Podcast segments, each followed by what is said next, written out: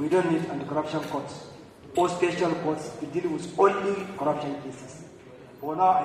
Ba sai an kirkiro kotuna na musamman za a iya gudanar da shari'un waɗanda ake tuhuma da almundahana ba, don waɗanda ake da su sun wadatar. In ji shugaban na ICPC.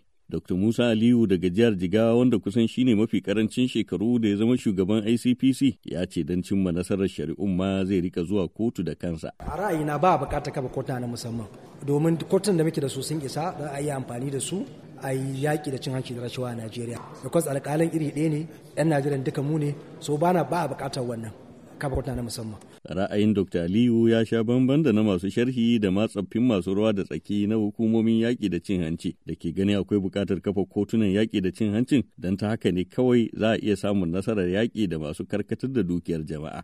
ga matsayar tsohon kakakin hukumar efcc dr othman abubakar in ka ce za ka yi shari'an irin wa'innan ta yadda dokokin aka zana ta har tashin duniya ba abin da ka ba za ka kama su ba. Laifin cin hanci da rashawa laifi ne wanda sai kotun musamman za ta saurari wannan. Kotun musamman din ba wai cewa mala'iku ne za zo zauna kotun ba lauyoyin da su ne za zo shiga. Lauyoyin da mutane masu basira su suke hadawa a irin wa'inan tribunal. Su za su yi ne ba za a bi wai ga hanya na ka tashi ka bi haka kai haka ba. A ga hanya ne state an gani a bi. Amma yadda ke tafiya haka irin kotutunan da muke da shi a Najeriya abun bacin rai. Ba za mu je ko ina ba. In za a tuna tsohuwar shugabar EFCC ya ji fari da waziri ta ce ba ma batun kotuna ba ne kawai akwai buƙatar gwajin kwakwalwar barayin biro. Domin abin yakan ba mamaki inda wani zai sata kuɗi ya je America ya siya gida ya je London ya siya gida ya je Dubai ya siya gida ya je South Africa ya siya gida. Sai je ce investment ne shi ya ji daɗi yana da investment. To yanzu kan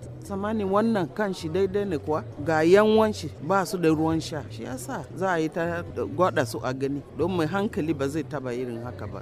Sabon shugaban na ICPC wanda ya alwashin yin aiki tare da sauran hukumomin yaƙin ya ba da tabbacin samar da sauyin da jama'a za su shaida hakikanin yaƙin. Zan jagoranci daga gaba kamar da na ce leading by the front. Shine cewa in tabbatar cewa mun yi amfani da fasahar zamani wadda ana buƙatar ta. Sannan kamar magana zuwa kotu yadda na ce zan yi ƙoƙari na ga cewa wasu daga cikin shari'u ni na ɗauka da kaina. In ƙoƙari na ga na yi su wanda a tarihin wannan hukuma ba taɓa yin haka ba. Najeriya na da hukumomin yaki da cin hanci da sun kusan yatsun hannu kamar efcc icpc kotun da'ar ma'aikata kwamitoci barkatai na shari'a. Amma sai a wayi gari ana zargin babban jami'in gwamnati da wawure biliyoyi ko tiriliyoyin naira. Nasiru da maili murar amurka daga abuja najeriya.